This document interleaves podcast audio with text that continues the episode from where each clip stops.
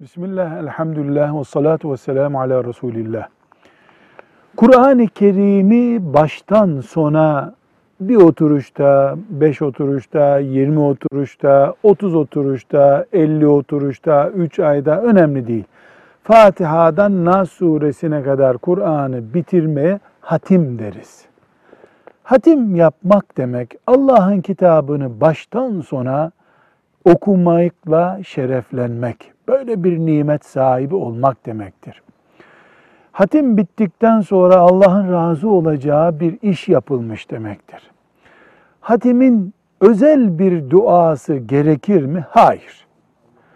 Minel cinneti ve nas sadakallahul azim hatim bitmiştir. Ama faziletli, bereketli, güzel bir iş yaptığımıza göre bunu bir dua ile taçlandıralım mı? Eh güzel olur. Kur'an-ı Kerimlerin sonundaki dua olur. Türkçe bildiğimiz herhangi cümlelerden olur. Özel bir dua olur. Hadis-i şeriflerden olur. Çeşidi önemli değil.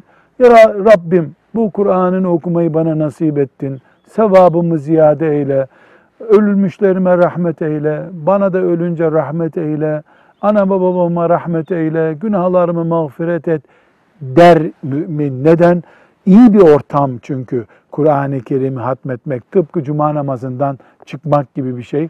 Ashab-ı kiramdan bazılarının hatim bitirdiği zaman çoluk çocuğunu toplayıp gelin çocuklar hatim bitirdim hazır dua ortamıdır dua edelim derlermiş. Ama Kur'an-ı Kerim okumanın farzlarından biri değil. Velhamdülillahi Rabbil Alemin.